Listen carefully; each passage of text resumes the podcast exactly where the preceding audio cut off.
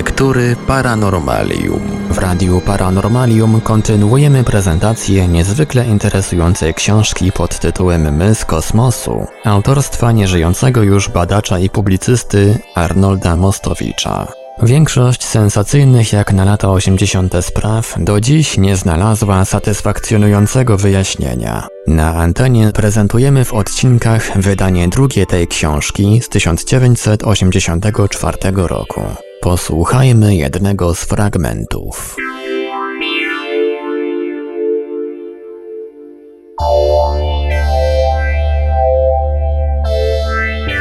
Próby poszukiwań, względnie nawiązania takiej łączności, robione były zarówno w Związku Radzieckim, jak i w Stanach Zjednoczonych. W Związku Radzieckim rozpoczęto je w latach 60.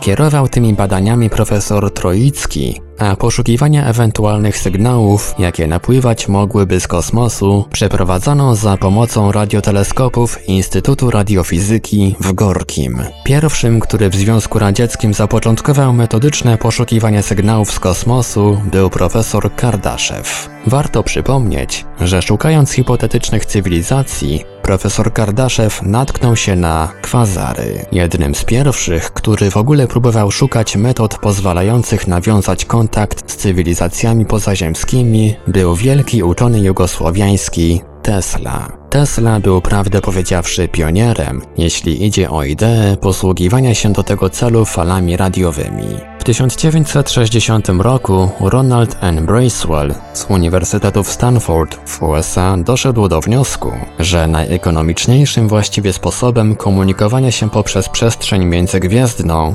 mogłyby być próbniki, czyli sondy kosmiczne. Pomysł ten zapłodnił wyobraźnię uczonego szkockiego Lunana, tego o którym była mowa we wstępie. Lunan założył bowiem, że do podobnego wniosku co Bracewell mogli dojść przedstawiciele jakiejś gwiezdnej cywilizacji. Uczony ten wystąpił z przypuszczeniem, że na orbicie wokół planetarnej krąży automatyczna, skomputeryzowana stacja radiowa umieszczona tam przez naszych kosmicznych braci przed jakimiś dziesięcioma tysiącami lat. Stacja ta mogłaby być tak zaprogramowana, by nawiązać z nami kontakt, gdy dotrą do niej fale radiowe z Ziemi. Profesor Lunan oparł się na zaobserwowanym kilkakrotnie w latach dwudziestych naszego stulecia zjawisku opóźnionych ech radiowych. Uczony szkocki twierdzi, że to opóźnione echo zawiera dla nas przekaz. Co więcej, Lunan uważa, że przekaz ten odczytał. Na jego podstawie doszedł do wniosku, że miejscem, skąd owa stacja została w naszym kierunku wysłana, jest konstelacja Bouviera. Tam, twierdzi, powstała cywilizacja tak chętna w przeszłości do nawiązania z nami kontaktu w przyszłości. Pod koniec niniejszego rozdziału pozwolę sobie raz jeszcze wrócić do tez profesora Lunana, notabene nie byle jakiego autorytetu w tych sprawach. Zagadnienie to wiąże się bowiem z rozważaniami teoretycznymi znacznie szerszymi. W 1964 roku odbyła się w Związku Radzieckim wielka narada poświęcona metodom nawiązywania kontaktów z cywilizacjami pozaziemskimi i wykrycia wysyłanych przez nie sygnałów. W naradzie wzięło udział kilkuset uczonych różnych specjalności. Na jakiej zasadzie można by odkryć obecność takiej cywilizacji? Otóż specjaliści radzieccy obliczyli, że każda cywilizacja, której rozwój przewyższyłby rozwój naszej cywilizacji, musi konsumować każdej sekundy energię wynoszącą 10 do 24 potęgi Joule. Joule to podstawowa jednostka pracy i energii. Co z tego wynika? Ano to, że tak jak nie ma dymu bez ognia, tak też nie ma energii przyswojonej, której resztek nie można by odnaleźć w otoczeniu. Znaczy to, że odpady tej olbrzymiej energii konsumowanej przez daną cywilizację powinny zostać wypromieniowane w przestrzeń kosmiczną, i to w takiej częstotliwości, że działające obecnie na Ziemi radioteleskopy mogłyby je bez specjalnego trudu wyśledzić. Podobnie zresztą można by wyśledzić wysłane przez Ziemię sygnały o różnej częstotliwości, których struktura dowodziłaby istnienia na naszej planecie aktywnie działającej cywilizacji. Na tej zasadzie prowadził badania wspomniany uprzednio profesor Troicki. Także w Stanach Zjednoczonych przeprowadzono od dawna podobne próby. Na początku lat 60. profesorowie Drake, Cocconi i Morrison wysyłali w kosmos regularne sygnały na długości fal wodoru 21 cm. Sygnały te wysyłano w kierunku planet Gamma Ceti i Epsilon Eridani. Wobec tego, że sygnały przez dłuższy czas pozostawały bez odpowiedzi, Amerykanie zrezygnowali na razie z dalszych poszukiwań, traktując całą sprawę jako temat do dyskusji. Okazją do takiej dyskusji i do wymiany poglądów na te tematy stała się narada zwołana w 1971 roku przez Akademię Nauk ZSRR wspólnie z Amerykańską Akademią Nauk, poświęcona łączności z cywilizacjami pozaziemskimi, skrót angielski CETI. Miejscem tego historycznego niewątpliwie spotkania był Biurakan w Armenii. O teoretycznych podstawach pozwalających przypuszczać, że systemów planetarnych podobnych do naszego, systemów, na których mogłoby rozwinąć się życie, jest w kosmosie wiele, wspominaliśmy. Astronom amerykański Van de Kamp otrzymał za pomocą 3000 fotografii dowód na to, że wokół gwiazdy Barnarda, oddalonej od Ziemi o 5,9 lat świetlnych, krąży planeta o masie półtora raza większej od masy Jowisza. Te 3000 fotografii to jeden z dowodów potwierdzających hipotezę o możliwości istnienia wielu systemów słonecznych. Uczony radziecki Moros sądzi, że wkrótce nie sprawi większej trudności odkrycie innych systemów planetarnych w odległości 10 parseków. Jeden parsek wynosi 3,26 roku świetlnego za pomocą specjalnych interferometrów. Interferometr jest to przyrząd badający zjawisko interferencji fal, w tym wypadku fal radiowych. Składa się on z dwóch lub wielu anten albo radioteleskopów i używany jest do określania kierunku, z którego dane promieniowanie radiowe dochodzi. Przyrząd używany jest w radioastronomii. Czy mówiąc o możliwości istnienia życia w kosmosie poza naszą Ziemią, uczeni opierają się tylko na tych hipotezach, o których była mowa? Nie. Na poparcie słuszności tych hipotez mają inne jeszcze i to bardziej przekonywające dowody. Zanim jednak poglądy te wyłożymy, Nieco uwagi poświęcić nam przyjdzie hipotezom próbującym odpowiedzieć, o ile odpowiedź taka jest w ogóle możliwa, na pytanie, jakie stawiać sobie zresztą musi każdy światły człowiek. Jak powstało życie? Czy rzeczywiście nie mogło ono powstać poza naszą Ziemią? A może nauka ma dowody na to, że mogło ono powstać wszędzie w kosmosie? Skoro zaś mogło powstać wszędzie, wszędzie też mogło się rozwinąć, by osiągnąć stadium rozumu i inteligencji. Z odpowiedzi na powyższe pytania nie rezygnuje dziś żaden biolog czy przyrodnik. W ten czy inny sposób pasjonujący ten problem wraca nieustannie na łamy czasopism i pojawia się w wielu publikacjach książkowych. A skoro stawiany jest ciągle w formie pytania, oznacza to, że dotychczasowe odpowiedzi, teorie czy hipotezy nie zadowalają badaczy są co najmniej nie dość uzasadnione. Sam problem powstania życia formułuje się dziś nieco inaczej niż kilkanaście lat temu. Dawniej uchodziło za pewnik to, że życie powstało na Ziemi. Chodziło jedynie o wyjaśnienie, jak do tego doszło. Dzisiaj nauka zastanawia się i nad słusznością tego pewnika, pytając: czy życie rzeczywiście powstało na Ziemi? A może powstało ono gdzieś w przestrzeni międzygwiezdnej i stamtąd przywędrowało na naszą planetę? A jeśli powstało gdzieś w kosmosie, to na skutek jakich procesów? A jeśli zawędrowało na Ziemię, to w jaki sposób? Ewolucja formy stawiania tego podstawowego problemu ma olbrzymie znaczenie. Dowodzi ona bowiem, że nauce nie wystarczają już dotychczasowe hipotezy, uzależniające narodziny życia na naszej planecie od panujących na niej przed miliardami lat warunków. Hipotezy te bowiem zdają się stać w sprzeczności z nowymi odkryciami i doświadczeniami. Trudno na przykład odrzucić pogląd wielu autorów, którzy uważają, że uzależnienie rozwoju życia wyłącznie od niezwykłych warunków, jakie niegdyś panowały na Ziemi, świadczy o swego rodzaju prowincjonalizmie geocentrycznym. Przeciwstawieniem tej teorii są nowe zupełnie hipotezy, mówiące o całym kosmosie jako o kolebce, w której zrodziło się życie.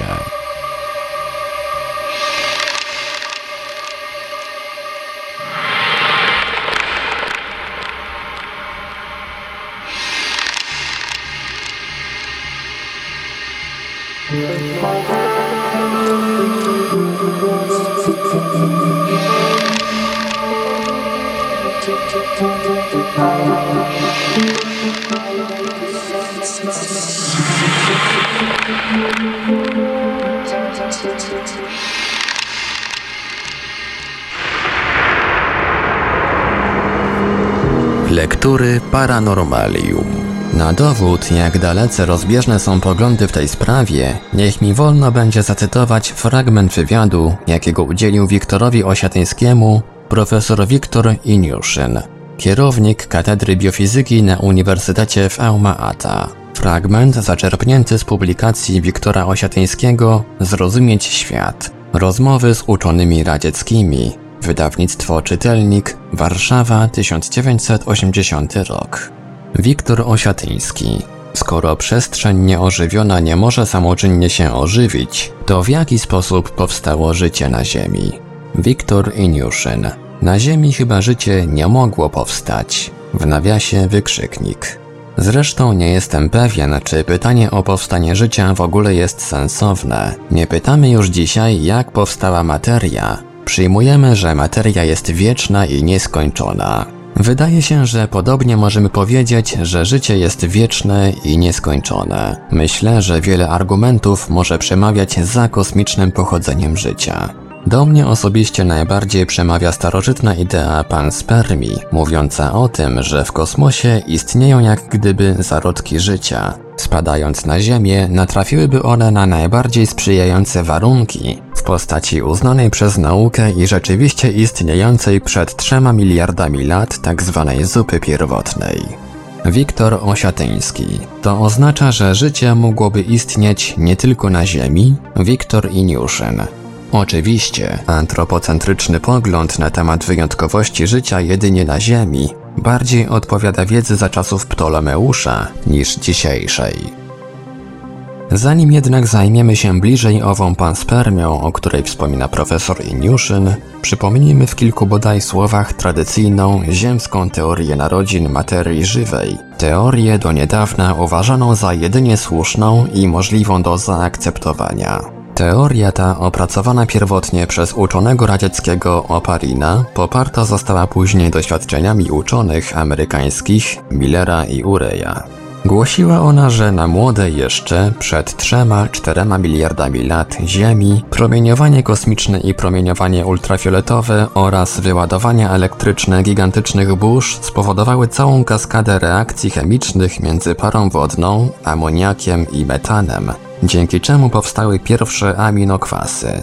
Te podstawowe molekuły, opadając w wody mórz i oceanów, w ów bulion prebiotyczny, miały z kolei, drogą przypadku i konieczności, utworzyć układy białkowe zdolne do przemiany materii, a więc do procesów nastawionych na zachowanie i odtwarzanie organizmów. Teoria ta, aczkolwiek tłumaczy wiele, nie wyjaśnia wszystkiego. Nie tłumaczy na przykład w jaki sposób i na skutek jakich reakcji kwasy nukleinowe, surowiec genów oraz aminokwasy, surowiec, z którego powstaje białko, połączyły się w pierwsze żywe organizmy. Nie wyjaśnia ona także zjawiska ewolucji, chociaż przypuszcza się, że zanim jeszcze pojawiły się skomplikowane organizmy samoodtwarzające się, już na poziomie polimerów podobnych do kwasów nukleinowych działał dobór naturalny. Ale są to wszystko jedynie hipotezy. Nie udało się bowiem dotychczas udowodnić, że kwasy nukleinowe, substrat kodu genetycznego, mogą odtworzyć się bez udziału enzymów, których przecież w tym czasie natura jeszcze nie wytworzyła, i że mogły kierować syntezą peptydów. Najprostszym sposobem sprawdzenia jakichkolwiek hipotez byłoby odnalezienie poza naszą planetą najbardziej choćby prymitywnych form życia. Pierwszym takim krokiem były przeprowadzone przez sądy amerykańskie typu Viking badania powierzchni Marsa. Jak wiadomo, badania te dały wyniki negatywne. Na Marsie żadnych śladów życia, przynajmniej w naszym rozumieniu tego słowa, nie znaleziono. Ale oczywiście nie są to jedyne poszukiwania, jakie w ostatnich czasach w tej kwestii przeprowadzono. Sięgnięto, dość wcześnie zresztą, do meteorytów, owych dziwnych posłańców przybywających z otchłani kosmosu. Zaczęto je badać uważniej, szczególne zainteresowanie okazując tak zwanym chondrytom węglowym. Mianem tym określa się meteoryty charakteryzujące się drobnymi, promiennie zbudowanymi kulistymi skupieniami krystalicznymi. Zaczęto zaś interesować się tymi meteorytami nie tylko dlatego, że są to przesłanki z przestrzeni kosmicznej, ale również dlatego, że przybywają one z otchłani czasu. Mają bowiem niezwykle dostojny wiek 4-4,5 miliarda lat. Są więc jak gdyby świadkami tworzenia się naszego systemu słonecznego. Meteoryty spadające na Ziemię szybko zanieczyszczają się materią organiczną. Przez pewien czas uważano, że wyjątkiem od tej zasady jest meteoryt australijski, który w 1968 roku spadł obok miasta Murchison. Dokładne zbadanie tego meteorytu powierzono uczonemu amerykańskiemu doktorowi Cyrillowi Panemperunie, dyrektorowi Laboratorium Ewolucji Chemicznej Uniwersytetu w Maryland. Dr Panemperuna odnalazł w tym meteorycie kilkanaście aminokwasów. Okazało się jednak, że nie można wykluczyć z całą pewnością, jakie wymagają podobne badania, możliwości zarażenia się i tego meteorytu ziemskim białkiem. Ale oto zimą roku 1976 i 77 inny uczony amerykański, profesor Cassidy, doszedł do wniosku, że całkowicie czystymi meteorytami mogą być te, które spadły kiedyś na Antarktydę. Są one bowiem natychmiast po upadku przysypywane śniegiem, a następnie pokrywa je warstwa lodu, praktycznie jałowego. Szukając takich meteorytów, profesor Cassidy i jego japońscy współpracownicy odkryli aż 310 takich gości z kosmosu, w tym dwa niezwykle cenne chondryty, które natychmiast przesłano w specjalnych, jałowych pojemnikach dostarczonych przez NASA do laboratoriów w Stanach Zjednoczonych i Japonii. We wrześniu 1979 roku mógł już profesor Panem Peruna oznajmić na zjeździe Amerykańskiego Towarzystwa Chemicznego, że w obydwu chondrytach odnalazł liczne aminokwasy. 6 z 11 aminokwasów w pierwszym z meteorytów oraz 6 w drugim zostało utworzone przed miliardami lat, a więc najprawdopodobniej drogą niebiologiczną. Dzięki naszym badaniom nad meteorytami z Antarktydy, powiedział profesor Ponemperuna, znaleźliśmy klasyczny przykład pewnych procesów datujących się z okresu przed powstaniem życia na Ziemi. Procesy ewolucji chemicznej wydają się wspólne dla całego systemu słonecznego. Hipoteza głosząca, że związki organiczne utworzyły się w warunkach prebiotycznych, została potwierdzona również i gdzie indziej. Ponemperuna dodał, a to nas najbardziej przecież interesuje, że jakkolwiek otrzymane rezultaty nie oznaczają jeszcze, że życie gdzieś z całą pewnością istnieje, to przecież zwiększają one znacznie szanse na to, że w odpowiednich warunkach mogło się ono rozwinąć i poza Ziemią. Referat wygłoszony przez Cyrilla Ponemperune wywołał tak wielką sensację, że poświęcił mu nawet na swojej pierwszej stronie obszerną informację tak poważny dziennik jak International Herald Tribune. Badania meteorytów nie są zresztą jedyną metodą poszukiwań w interesującej nas dziedzinie. Począwszy od roku 1968, różne cząsteczki materii organicznej odkrywać zaczęli w przestrzeni kosmicznej radioastronomowie. W ten sposób znaleziono już cząsteczki amoniaku, kwasu mrówkowego, alkoholu, cyjanowodoru i kilku innych związków stanowiących niezwykle ważny etap na drodze powstania życia. Są to odkrycia zastanawiające. Mogłoby się wydawać, że jest rzeczą niemożliwą, by podobne cząsteczki, a odkryto ich dotychczas 40 rodzajów, mogły powstać w łonie obłoków galaktycznych, gdzie temperatura wynosi zaledwie kilka stopni Kelwina, a materia znajduje się w takim stanie rozrzedzenia, że naparstek naszej atmosfery zająłby tam całe kilometry sześcienne przestrzeni. Dodajmy jeszcze, że w niektórych przypadkach chmura odkrytej i zaobserwowanej materii organicznej jest niewiarygodnie duża. Obłok alkoholu etylowego, odkryty w gwiazdozbiorze Strzelca, w odległości około 300 tysięcy lat świetlnych od Ziemi, a więc w pobliżu jądra galaktyki, posiada masę zbliżoną do masy Słońca. Oto więc jeszcze jedna zagadka.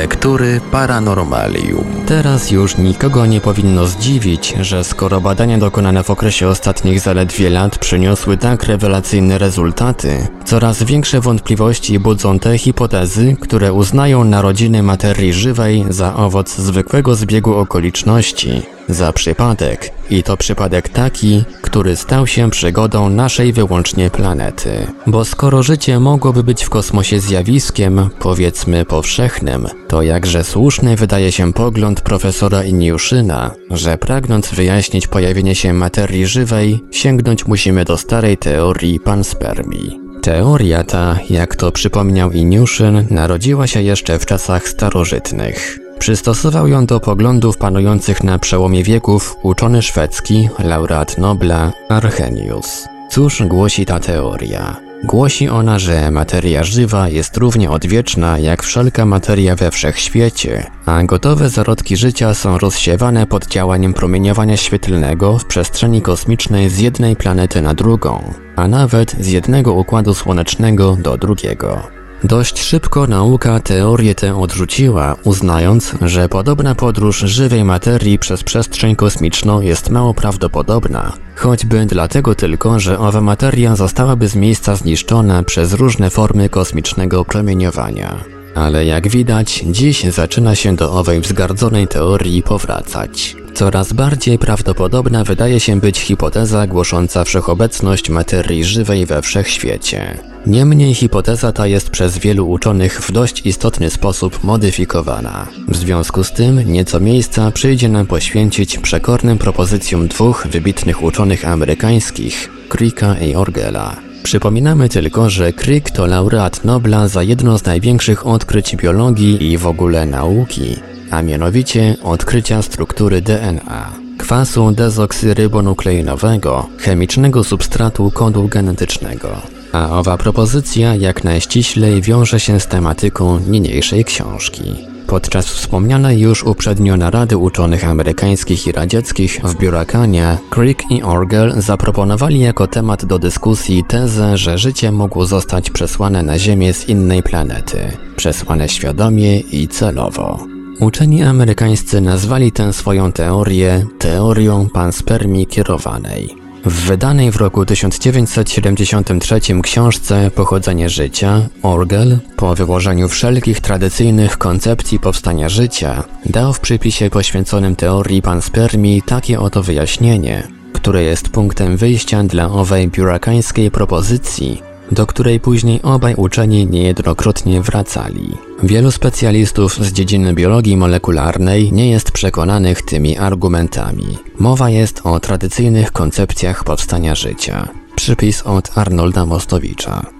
Uznają oni mianowicie za szczególnie niezrozumiały fakt uniwersalności kodu genetycznego. Rzeczywiście dziwną jest rzeczą, dlaczego organizmy rywalizujące ze sobą, a posiadające kody genetyczne niewiele się między sobą różniące, nie mogłyby ze sobą współistnieć. Gdyby można było udowodnić, że życie istnieje na jakiejś planecie, trudność ta przestałaby mieć jakiekolwiek znaczenie. Przypuśćmy na przykład, że życie pojawiwszy się na tej planecie doprowadziło do powstania organizmów o wiele bardziej różnorodnych niż na Ziemi. Na takiej planecie kod genetyczny jednego organizmu różniłby się wówczas znacznie od drugiego. Ale gdyby jakiś meteoryt sprowadził w swoim wnętrzu jeden żywy organizm na martwą jeszcze Ziemię, organizm ten opanowałby ją całkowicie, zanim pojawiłby się jakiś rywal. I w ten sposób wszystkie żywe organizmy na Ziemi dziedziczyłyby kod genetyczny będący spadkiem po tym jednym jedynym przodku pozaziemskim. Wszystkie istoty ziemskie tworzyłyby jedną rodzinę, pochodząc od przedstawiciela planety, gdzie życie było bardziej różnorodne. A może życie zostało zaniesione na Ziemię celowo przez członków jakiegoś technologicznie rozwiniętego społeczeństwa, znajdującego się na innej planecie. Tyle Orgel w swojej książce. Ale na naradzie w Biurakania Crick i Orgel rzucili jeszcze jeden argument przemawiający na rzecz podobnej hipotezy. Argumentem tym jest problem molibdenu. Otóż pierwiastek ten ma niesłychanie ważne znaczenie dla funkcjonowania procesów biologicznych. Bardzo liczne układy enzymatyczne, bez których w ogóle nie można wyobrazić sobie życia, zawierają ten metal w charakterze czynnika aktywnego. Nic nie może go zastąpić. Byłoby to zrozumiałe, mówił Crick, gdyby pierwiastek ten występował na Ziemi w dużych ilościach. Ale jego ilość na Ziemi wynosi zaledwie 0,02%, podczas gdy procent ten dla pierwiastków pokrewnych wynosi chromu 0,2%, zaś niklu 3,16%. A przecież, powiadają obaj uczeni, skład chemiczny planety powinien znaleźć odbicie w biologicznej strukturze jej mieszkańców. Być może udałoby się znaleźć w kosmosie takie klasy gwiazd, gdzie molibden występuje znacznie częściej i których struktura chemiczna odpowiadałaby strukturze chemicznej organizmów żywych na Ziemi.